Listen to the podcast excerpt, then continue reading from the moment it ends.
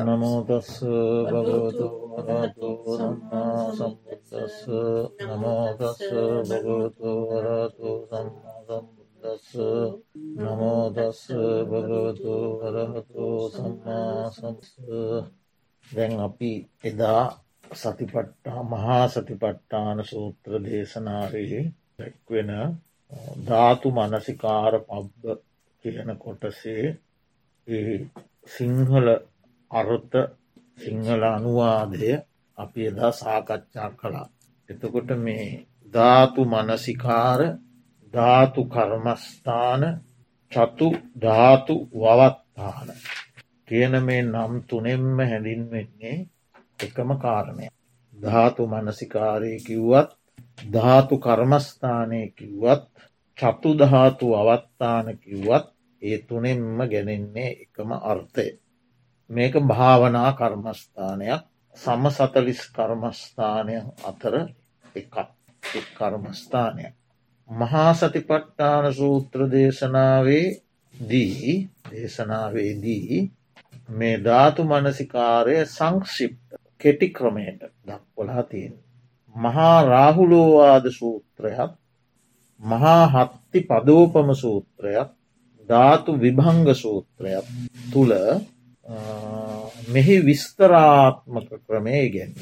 මහා සතිපට්ඨාන සූත්‍රයේ කෙටි ක්‍රමය අර මුලින් කිව්ව සූත්‍ර දේශනාවල විස්තර ක්‍රමය.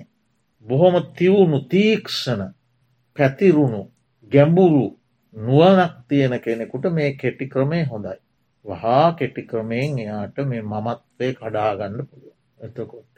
මධ්‍යහම ප්‍රමාණයේ නුවනක් අර තරම් ගැඹුරු නුවනක් නැති මධ්‍යහම ප්‍රමාණය නුවනක් ඇති කෙනාට කෙටි ක්‍රමය මදි. එයා තව තවත් මේක ටිකක් විස්තර විභාග කරලා බලන්න.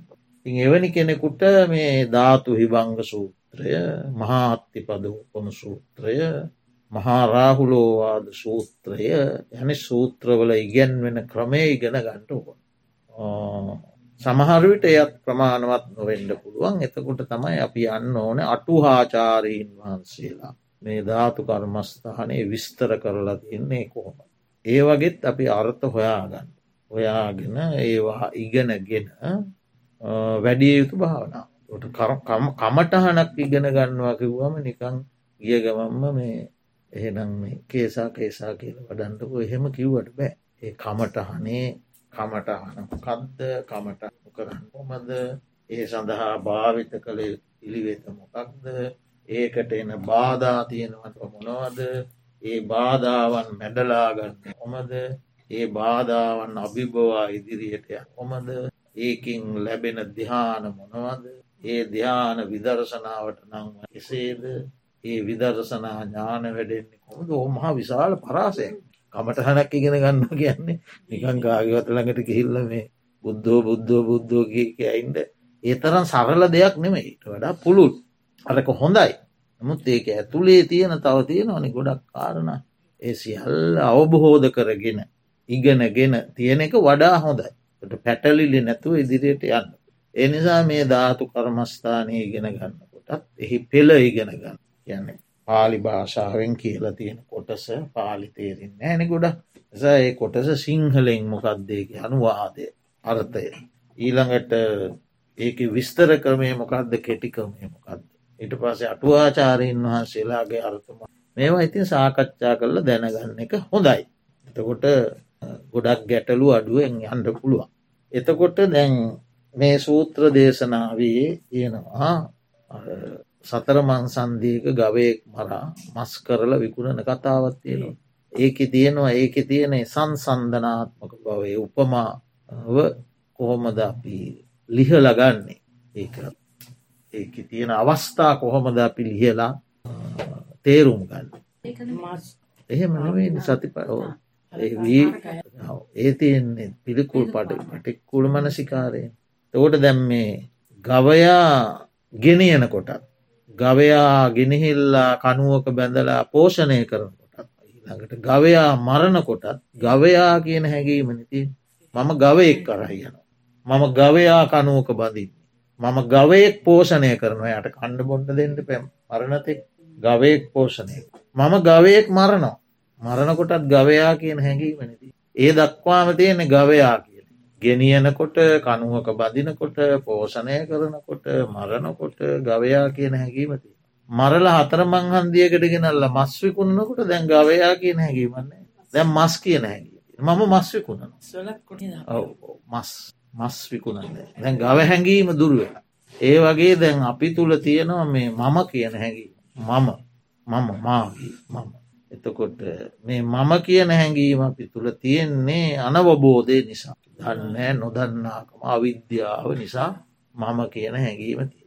එතකොට මේ ධාතු මනසිකාරීන් මේ මම කියන අපි හිතාගෙන ඉන්න අවිද්‍යාවෙන් මුලාවෙලා ඉන්න මේ අපි බෙදල මේ මම බෙදල බලනවා. මෙන්න මේවා පටවිදා මේවා ආපෝදා මේවා තේජෝද මේවා වායෝද කියල බෙදන. බෙදලා ඒ මනසිකාරයේ දිගට පවත්වාගෙන යනකොට දැන් අර මම කියන එක නෑ.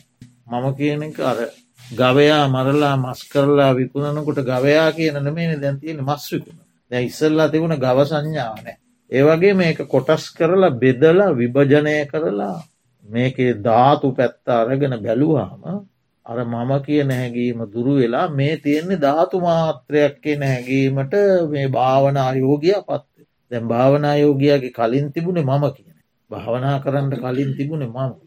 එතවට මේ භාවනාව ඉගෙනගෙන මේක ක්‍රමාණුකූලෝ කරගෙන පුහුණු වෙලා හිත භාවිතයට එනකොට දැන් එයා තුළ තියන්නේ මේ මම කියල කියන්නේ පට විධාතුකොට ආපෝධාතුකොට තේජෝධාතුකොට වායෝධාතුකොට මේ සතර මහා ධාතුවකින් නිර්මිත වූ දෙයක්. මෙතන ඇති මමෙක් නෑ. කියන අවබෝධයටයා පත් ඒක තම මේකේ මේ භාවනා මනසිකාරයෙන් ලැබෙන පලය මමය මාගේ කියන අවිද්‍යාවෙන් මුලාවී සිටින ස්වභාවය දුරු වෙලා හරියට වැඩුනොත් හරියට පුහුණු වුණොත් ඒක තමයි මෙයින් ලැබෙන ප්‍රතිප ඒක තමයි නිවනට උපනිශ්‍රය වෙලා ප්‍රත්තිය විදර්ශනා වැඩිලා නිවන් දොරටුව විවෘත වෙන බොජ්ජංග ධර්ම වැඩිලා ඉද්ධිපාද ධර්ම වැඩිලා බලධර්ම වැඩිලා ඉන්ද්‍රිය ධර්ම වැඩිලා සතිපට්ටාන ධර්ම වැඩිලා ආර්යෂ්ඨායක මාර්ගයේ ප්‍රගුණ වෙලා මේ මනසිකාරයෙන් නිවනට නිවන ප්‍රත්‍යක්ෂක කර ගැනීමේ මාර්ගයක් බවට පත්. එතකොට මේක විස්තර වශයෙන් භාවනා කරන්නට කැමති කෙනා. මම කිවන කෙටික්‍රමයක් සහ විස්තරකමයක් තියෙනවා. විස්තර වශයෙන් මේක දැන ඉගෙනගෙන ඒ අනු භාවනා කරන්න කැමති කෙනා අර පටික්කූල මනසිකාරයේදී වගේම මේ වගේ වර්ණය තේරුම්ගන්න අපි ඉස්සල්ල පටික්කූල මනසිකාරී ගෙනගත් වර්ණය සටහන පිහිටලා තියෙන දිසාව ඊටරත්සේ පිහිටලා තියෙන තැන ඊට පස්සේ පිහිටලා තියෙන යටින් උඩින් සරසින් මේක. වටේට තියෙන යටින් කොහ මොනවද තියෙන උඩින් සරසින් මොනවද තිය ඒවා පිළිබඳ ස්ථාන තහවුරු කරගෙන තිබීම වැදගත්. කේසා පටවි ධාතුූ කියනකොට මේ අදන්න මේ කේසා තියෙන්නේ. කේසා කියන්නේ වරණය කළුපෑ සටහන කිතුරු කියෙදි සටහන්.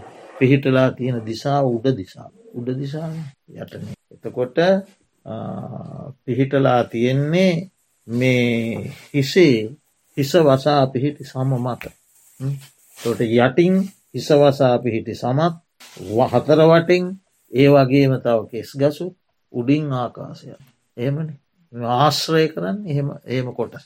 ඒවා තේරුම් අරගෙන තිබ කෙස් කියනකොටම මේක හිතට වැටහෙන්ඩ ඒව තේරුම් අරගෙන තිබීමත් ප්‍රයෝජනවත්තය කියලා අටුවාවේ දක්ව ප්‍රයෝජනවත්. ඒ විස්තර ක්‍රමයට භාවනා කරන කියන. එතකොට සාමාන්‍ය ක්‍රමයට භාවනා කරන්නේ මෙහෙමයි. ඉස්සරලා පටවිධාතු කොටස් ටික වෙන් කරගන්න. මොනවද මොනවද පටවිධාතු ඒ ටික වෙන් කර වෙන්කොට සලකා ගන්නවා. තේරුම් ගන්න. මෙන්න මේ කොටස් ටික පටවිදා. ආපෝධාතු කියන්න මෙන්න මේ කොටස්ටි මේ ශරීරයේ තියෙන. තේජෝධාතු කියන්න මේ කොටස්. වායෝධාතු කියන්න මේ කොට කියල මේ කොටස් ටික ඉස්සල්ලා වෙන් කරගන්න. ගවයාගේ මස් වෙන් කරගන්නවා. මේ ගවයාගේ හම මේ ගවයාගේ ඇට මේ ගවයාගේ මස් මේ ගවයාගේ පීගුතු මේ ගවයාගේ බොකු බඩව වෙන් කරනවා ඒවගේ වෙන් කරගන්නවා. මේ ශරීරයේ පටවිධාත් මේ ශරීරයේ ආපෝද මේ ශරීරයට අයත් තේජෝධාතුය මේ ශරීරයට අයත් වායෝධාත් වෙන් කරලගත්තම තියෙනවා ප්‍රධාන වශයෙන් සූත්‍ර දේශනාවල පටවිධාතු කොටස් විශ්සා. ආපෝධාතු කොටස් දොළහ. තේජෝධාතු කොටස් හතරක්. වායෝදාස කොටස් හය. හරි එතකොට ඔක්කම හතලිස් විස්සයි දොලාහයි හතරයි හයයි. හතලිස් දෙක. ඒ හතලිස් දෙක හා අනුත්තෝ පටවිධාතු කොටත් විශ්ස සහ තවත් යම් පටවිධාතු කොටසක් ඇත්තේද ඒ සියල්ල පටවිලා හරි ආපෝධාතු කොටස් දොලා සහ තවත් යම් ආපෝධාතුවක් ඇත්තේද? ඒ සියල්ල ආපෝධා ඒ විදිහට. අර හරියටම විශ්සයි හරියටම දොලාහයි නෙවෙයි. එක ඒ විදිහට දක්වලා තිබ්බට තවත් තියෙනවන ඒ සියල්ල. එහෙම වෙන් කර වෙන් කරගෙන ඒවායෙහි උත්සන්න වශයෙන් වැඩිපුර වැඩිපුර තියෙන ධාතුව තමයි ගන්න මෙනෙහි කර දැන් කෙස්වල පටවි ආපෝ තේජෝ ආය හතරම තියෙනවා. තිබුණට උත්සන්නව තියෙන පටවිලා එනිසා උත්සන්න ධාතුව තමයි භාවනාවට ගන්න දැන් පිත්ත පිත්ත කියන්නේ ආපෝධාතුවක් වසයෙන් හැපිසලක පිත්ත සෙම සැරව ඒවා ආපෝධාත් වැගිරෙන ස්වභාවෙන් යුක්තදී. එතකොට ඒ ආ පිතෙත් තියෙනවා පටව්‍යාපෝ තේජවා යහතන. නමුත් ඒක උත්සන්න ආපෝධාතු. පිතෙහි උත්සන්න ආපෝධාතු. එනිසා පිතේ උත්සන්න දේ වශයෙන් තමයි භාවනාවට ගන්නෙම කෙටි ක්‍රමේ. උත්සන්න ධාතු අරගෙන කරන භාවනා. ඒ විදියට හතලිස් දෙකට වෙන් කරගෙන ඊට පස්සේ ඉතින් සිල් සීලයක පිටලා බුද්ධාදී රත්නත්‍රයට වන්දනා කරලා රත්නත්‍රය කෙරෙහි යම් වරදක් වුණානංගේවට සමාවාරගෙන ඒ විදිහේ මූලික කටයුතු ටික කරලා නිදහස් විවේකී පරිසරයක මේ වැඩේ ඉතින් ආරම්භ කර නිදහස් විවේකී තැනක කොහොමද අත්ති ඉමස්මින් කායි කේසා පටවිධාත් එහෙම නැත්තං ඉමස්මින් කායේ කේසානාම පටවිධාතු අත් මේ ශරීරෙහි කෙස්නම් වූ පටවිධාතුවක් ඇත. අත්ති ඉමස්මින්කායේ ලෝමා පටවිධාතු. මේ ශරීරෙහි ලොම් නම් වූ පටවිධාතුවක් ඇත. අත්ති ඉමස්මින්කායේ නකා පටවිධාතු.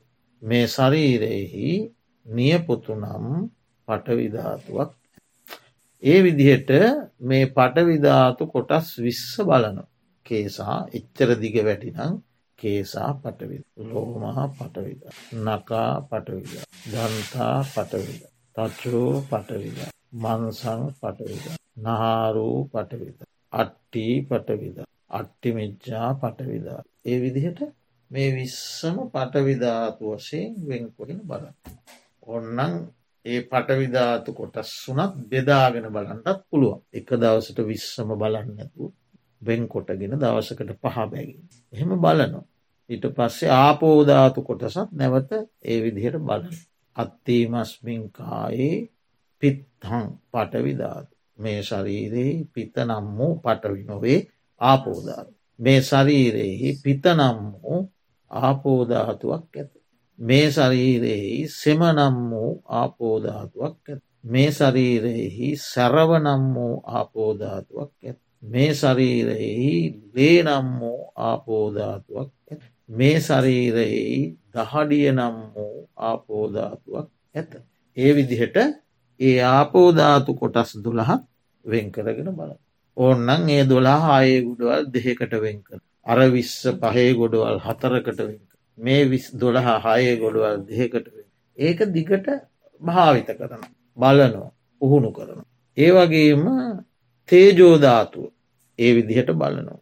මේ ශරීරයෙහි සන්තප්පන ඒයන්නේ තැවීම ඔය උන ආදී තැවීම ඒ තැවීම ඇති කරන තේජෝධාතුවක් ඇත. මේ ශරීරයෙහි ජීරණ දිරවන ශරීරයේ දිරවන ඉන්ද්‍රියන් විකලාංග බවට පත් කරන දැම් මේ ඇස කන නාසේ උපදිනකොට තිබ්බ විදිහටම නෑ. ඒවා ක්‍රම ක්‍රමයෙන් ජරාවට පත්. ඒ ජරාවට පත් කරන තේජෝධාතුව. එතකොට ශරීරයේ තවන දවන උනාදී දේවල් ඇති කරන තේජෝධාතුවක් තියෙන ශරීරයේ දිරවන තේජෝධාතුවක් ඒ වගේම පරිඩයිහති.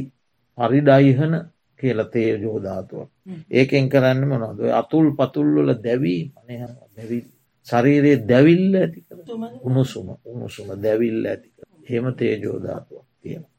ඊළඟට ආහාරාදිය පැසවන තේජෝධාතුව ආන්නේ තේජෝධාතු හතර වෙන්කර වෙන්කරගෙන මේ ශරීරයෙහි පරිඩයිහෙන සන්තපති ජීරණ පාචක කියන තේජෝධාතු හතර වෙන් කරගෙන ඒ තේජෝධාතු හතර අනුව ජීවිතය බෙදා වෙන්කොට වර්ගකොට බලන එහෙම බලන. ඊළඟට වායෝධාතු හය.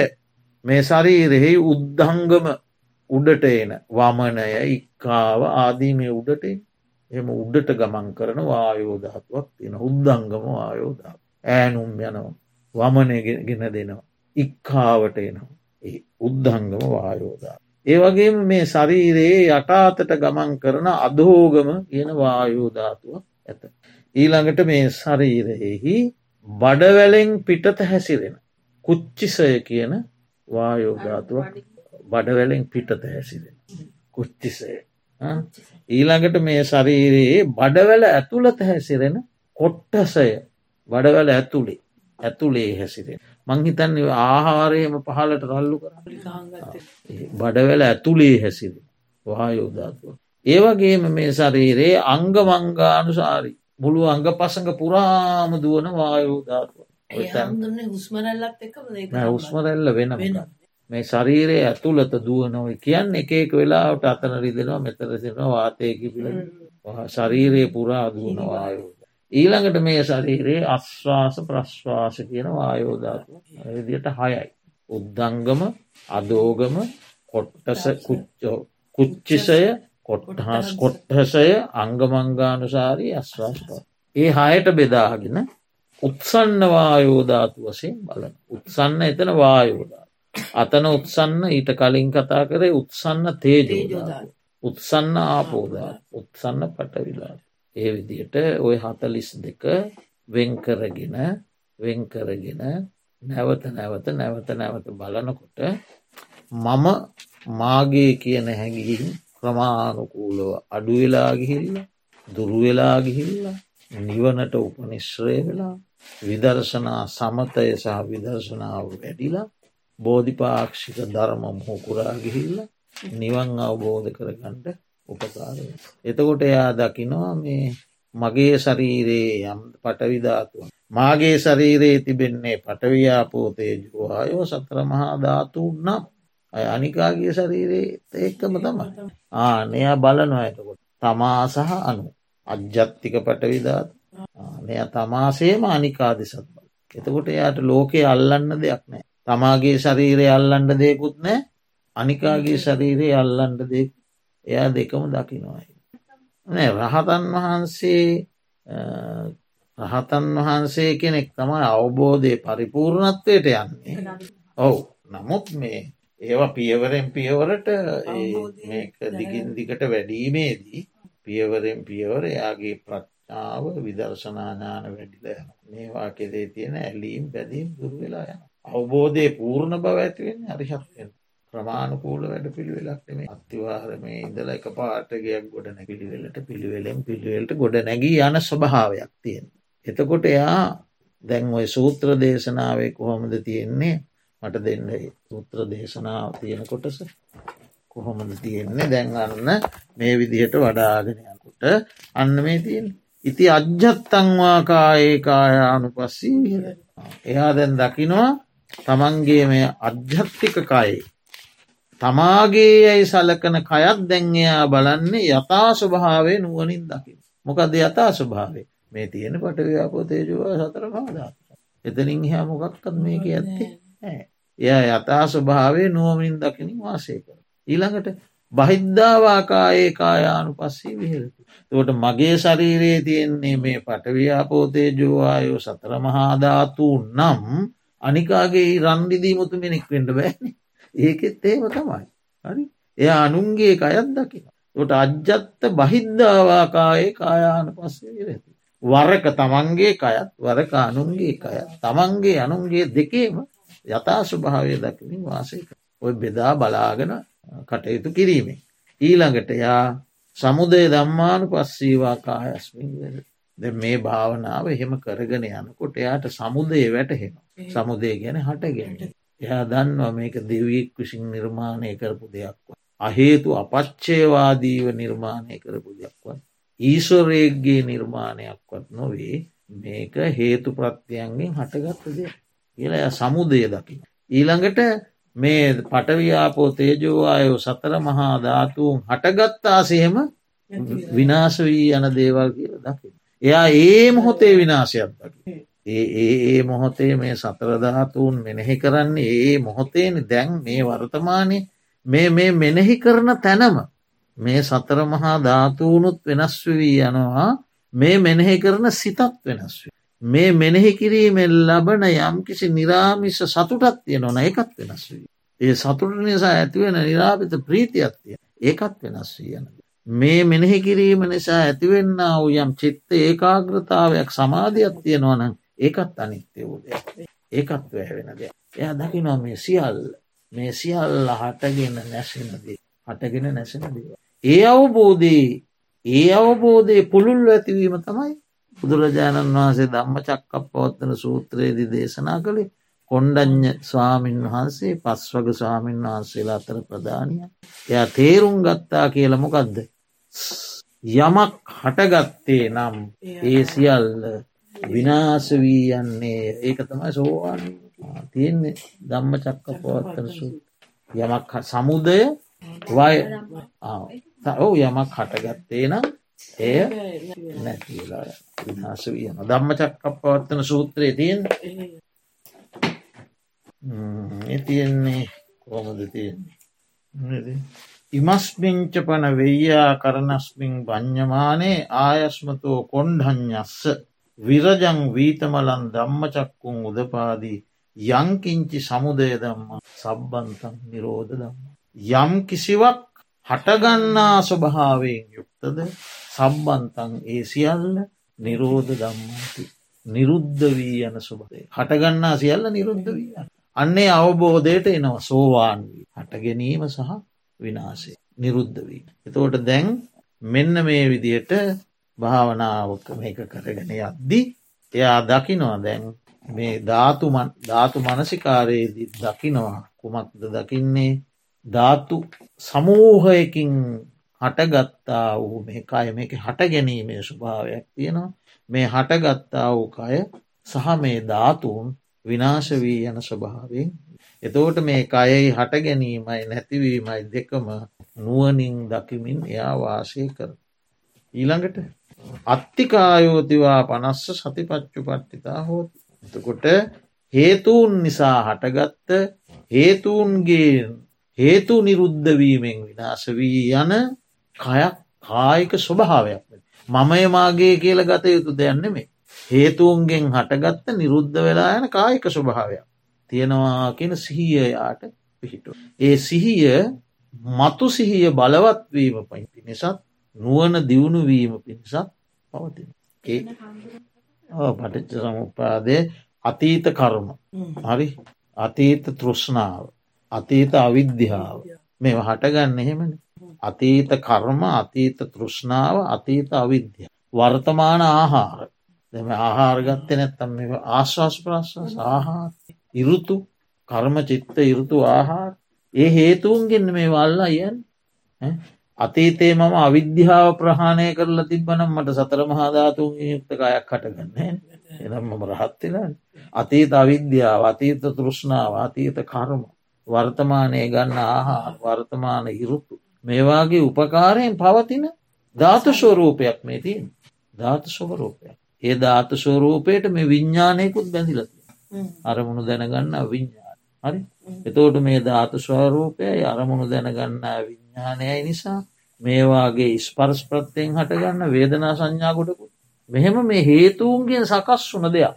හටගත්තා උදයක් හේතු තොට මේක නිරුද්ධ වෙලායන එතෝට දැන් අර මම මගේ කියන උපාදානයෙන් අල්ලාගෙන හිටපු ස්වභාවේ කැඩිල බිඳිල යනවා. එකට පවතින්ට බෑද දැන්ගේ මමය මගේ කියන එක පවතින්නේ මේ උපාදාන ප්‍රත්‍යය කොටගෙන. තන්හා උපාදාන අවිද්‍යාවන්ගින්න දැම් මේ අල්ලගෙන මෙතෙක් මේ අපි යන්නේ දැන්. මේ දැමුත් යන්න. එතකොට මේ යන ස්වභාවය කැඩිල යන ඒකට පවතින්න බෑ. දැම් මේ අවබෝධයක් එක ප්‍රඥාවන මෙතර වැඩේ. ප්‍රඥා වැඩෙනකොට අර උපාදානාදී ධර්ම ලිහිලා යන. එතකොට ඒ ඒ අවබෝධය මතු සිහිය දියුණුවීම පිණිසත් මතු නියුණ නුවන දියුණුවීම පිණිසක් පවතින උපකාර වෙන. එතකොට යා මමය මාගේ මාගේ ආත්මය කියලා කිසිවක් කෙරෙහි බැඳෙන්නේ නැතුව වාසයක බැඳීමක් නැතුව වාසයක. කිසිම අයුරකින් කිසිම දෙයක් ග්‍රහණය කරගන්නේ උපාදානයෙන් තොරයි. උපාදානයන්ගේ මිදිලා වාසය කර. මෙන්න මේ විදිහට මේ කයෙහි කය පිළිබඳව යථා ස්වභාවය නුවනින්දකිමින් වාසය කරන්නට උපකාර වෙන ක්‍රමයක් තමයි මේ ධාතු මනසිකාරය. එතකොට අපි දැම් මේක මේ කෙටිම ක්‍රමේ කෙටිම ක්‍රමේ තමයි මේ හතලිස් දෙකට බිතාගෙන ඒ හතලිස් දෙක බලන. මේ කෙස් පටවිධාත් මේ ලොම් පටවිධාත් මේ නියපොතු පටවිධාත් මේ දත් පටවිධාත් මේ හම පටවිධාත් මේ මස් මේ නහර මේ ඇට මේ ඇට මිදුළු මේ වකුගඩු මේ හදවත මේ අක්මාව මේ දලබෝ මේ පිත්තාසේ මේ පෙනහළු මේ කුඩා බඩවල් මේ මහබඩවල් මේ පැසුණු ආහාර මේ නො පැසුණු ආහාර මේ අස්සුචි මේ මොල ලොඳ. බල පටවි. මේ පිත මේ සැර සෙම මේ සැරව මේ ලේ මේ දාඩිය මේ තෙල් මන්ද. ඒදිට ඒ දොළහත් බල වායෝධාතු හයත් බලන තේජෝධාතු හතරත් බල ඒ සංක්ෂික්්‍රකමය නුවන තිවුණු නුවනක් ඇති කෙනෙකුට ප්‍රමාණව ප්‍රමාණ එතෝට මධ්‍යම නුවන ඇති කෙනා මහාරාහුලෝවාද ඒ ක්‍රමයට යන්න. ඊළඟට අටුවාවේ තව මේක විස්තර ඉතින් හරියට විස්තර කතා ඔක්කොම තියෙන අටුවා. ඒ කතා ඉතින් බොහොම දීර්ගයි ඒ කියන්නේ. තුඹසක් මත්තෙහි ඉලුක් තන පැළවෙනවා. තුඹසක් මුදුනේ ඉලුක් තන පැළවෙන. ඉලුක් තන දන්නවා තුඹසක් මුදුනේ ඉලුක් තන පැළවුනාම තුඹස දන්නවාද මගේ මුදුනේ ඉලුක් තන පැළවෙලා තියෙනවා. මගේ මුදුනේ ඉලුක් තන පැනවෙලා තියෙනවා කියලා තුඹස දන්නේ. ඉලුක් තන දන්නෙත් නෑ මම තුඹසක් මත්තේ පැළවෙලා තියෙන. ගන්න තුඹස දන්නෙත් නෑ ඉලුක් තනද. ඔවුනොන්ගේ කිසිම අවබෝධයකින් තොරව තුඹසට දැනීමකුත් නෑ තනවලට දැනීමකුත් නෑම අවබෝධයකින් තොර පැළවෙලා තියෙන. ඒවාගේ හිස දන්නෙත් නෑ මාගේ හිස මතුපිට කෙස් තියෙනවා. මේ හිසට කිසි අවබෝධයන්න මේ මේ උඩ කෙස් තියෙනවා කියලා මේ ඔළුව දන්න මේ මේ හම දන්නේ නෑ මෙතන කෙස් තියෙනවා. කෙස් දන්නෙත් නෑ මම හම උඩ ඉන්නවා කියලා. එහෙම දැනීමක් නෑ කෙස්සොලට එහෙම දැනීමකුත් නෑ මේ හමට දැනීමකුත් නෑ. ඒ ඕනෝන්ගේ එහෙම දැනීමකින් තොරව ති ඔය විදිහට ඕක මහා විස්තර කතනයක් අට්ට කතාවට යන. ඔය හැම එහෙකටම විස්තර අර්ථ උගන්නන. ඔවුනොවුන්ගේ ප්‍රත්්‍යයකින් තොර දැනෙන්නේ අපේ හරි විඤ්ඥානය ස්පර්ශාදීන් තමයින මේ දැනග අවිද්‍යාවන්නේ මල මලසිරුරක විඤ්ඥානය ඉවත්වනැන් පස්සේ මලසිරුරෙත් තියෙනවන කෙස්. මලසිරුරෙත් තියෙනවන මේ ඔළුව උඩාම දන්නවද මොකක් එදා දන්න එන්න දන් දන්න එන්න දැන් දන්නේ මේ විඤ්ඥානය ස්පර්ශය ආදී දේවල් නිසා. ස්පර්ශය විඤ්ඥානය ඒ තුළින් ඇතිවෙන වේදනාදිය නිසා තමයි මේ දැනීමත් තියෙන්නේ. නැතුව මේ කෙස්සෙම මොකක්වත් දන්නේ මේ මේ හම දන්නෙත් නෑ මොක විඤ්ඥානයත් එක්ක සම්බන්ධ වෙලා තියෙන නිසා දන්න. දැනීමක් ඇතිවෙන ඒක ඉතින් අටුවාව අපිට අනේ ඔය අටුව වැඩන්නෑකිවට බෑවගේ හරි ලස්සනටවා විස්තර කරලා විග්‍රහ කරලා තියෙන ඒවා එහෙම එහෙම සියල්ලම හෙම ප්‍රතික්ෂේප කරන්න බෑ. ඕ පසුකාලීනේවය ඔ බුද්ධ ගෝසාමුදුරුව ලියපු අය බුද්ධ ගෝසාමුදුරුව බමුණෙක්ක එනම් සැරියුත් මහරාතන් වහන්සේත් බමුණුනි මුගලම් මහරාතන් වහන්සේත් බමුණු කුලි. ශේෂ්ට උසස්ම බමුණු කුලේ. උපතිස්ස සාරී බැමිණිය පුතේ.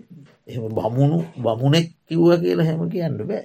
ඒව තියෙනවා. එක ලස්සන විග්‍රහයක් ඉතින් ඒවත් මේ විස්තරාත්මක ක්‍රමයට ඉගෙන ගණ්ඩ යම් කෙනෙක් කැමතිනම් එහෙම ඉගෙන ගණ්ඩ පුළුවන්. එල්ළඟට රාහුලෝවාද ඒ සූත්‍රත් බලනකොට මේක තව පුළුල්. ඒ සූත්‍රවල දැන් ඒක කියන්නේ අජ්ජත්තික පටවිධාතුවකුත් තියෙනවා බාහිර පටවි. අජ්ජත්තික පටවිධාතුව තමයි මේ කෙස්ලොම් නිය දත්තාදීද. බාහිර පටවිධාතුව තමයි මේ පෘතුවිය සහ මේ තද ගතිය යුක්ත සියල් එව බාහිරප මේ අජ්ජත්ති තොට අජ්ජත්තික පටවිධාතුවත් පටවිධාතුවක් බාහිර පටවිධාතුවත් පටවිධාතුව අයක වෙන වෙනසක් නෑ ඊළඟට ඒ පටවිධාතුවල කිපෙන ස්වභාවේ. ඒවා කිපිලා අපේ පටවිධාතු අතුරු දහන් වෙන හැකි. එතෝට මේසා විශාල බාහිර පටවිධාතුවත් අතුරුදං වෙනවන යම් දවස. ෂය වෙලා යනවනම් මෙන්න මෙච්චර විතර කෙෂ්ටිකක් ගැන කවර කතාද කියන කෙන එක කියන්න. හරිද?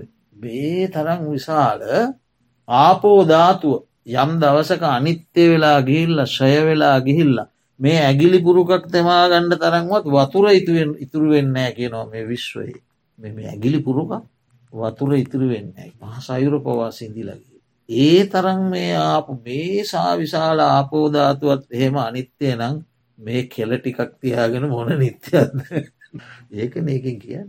ඒකින් බොහොම ලස්සන පැහැදිලි කිරීමක් කරනවා. මේ කෙලසෙම් ටිකත් තියාගෙන පිතක් පිත් පිත පිත ටිකක් ලේ ටිකත් තියාන මෙන්න මෙච්චර විතර සුවල්පයක් ඕකට මම මගේ කියලා ඉන්න මේ තරම් මහා සයුරේ අන්තිමට ඇගිලි පුරුකත්තමන්ට ඒ විස්තරයක් ඒ වැට ඒවත් ඉදිරියේදී තිය ඇත්තු කැමතිනම් ඉගෙන එහෙනම් ඉතින් අද අපි ඔන්න සංක්ෂිප්ත ක්‍රමයයි කතා කළේ ඕම අතලිස් දෙකට බෙදල සටහනක් ගහ පටවි විස්සක් ආපෝදුන තේජෝ හයක් හතරක් වායධාතු ඒවයිට පස්ස වෙන් කරගන්න. පට විධාතු මේවා ආපෝ මේවා තේජු මේවා හොඳයි එහෙනම් ධර්ම සාකච්ඡා කිරීමෙන් උපදවාගත් ශල ශක්තිය යන් සහිත ලෝකයාට පනාටත් නිවන් අවබෝධය පිණිසම හේතුවාසනා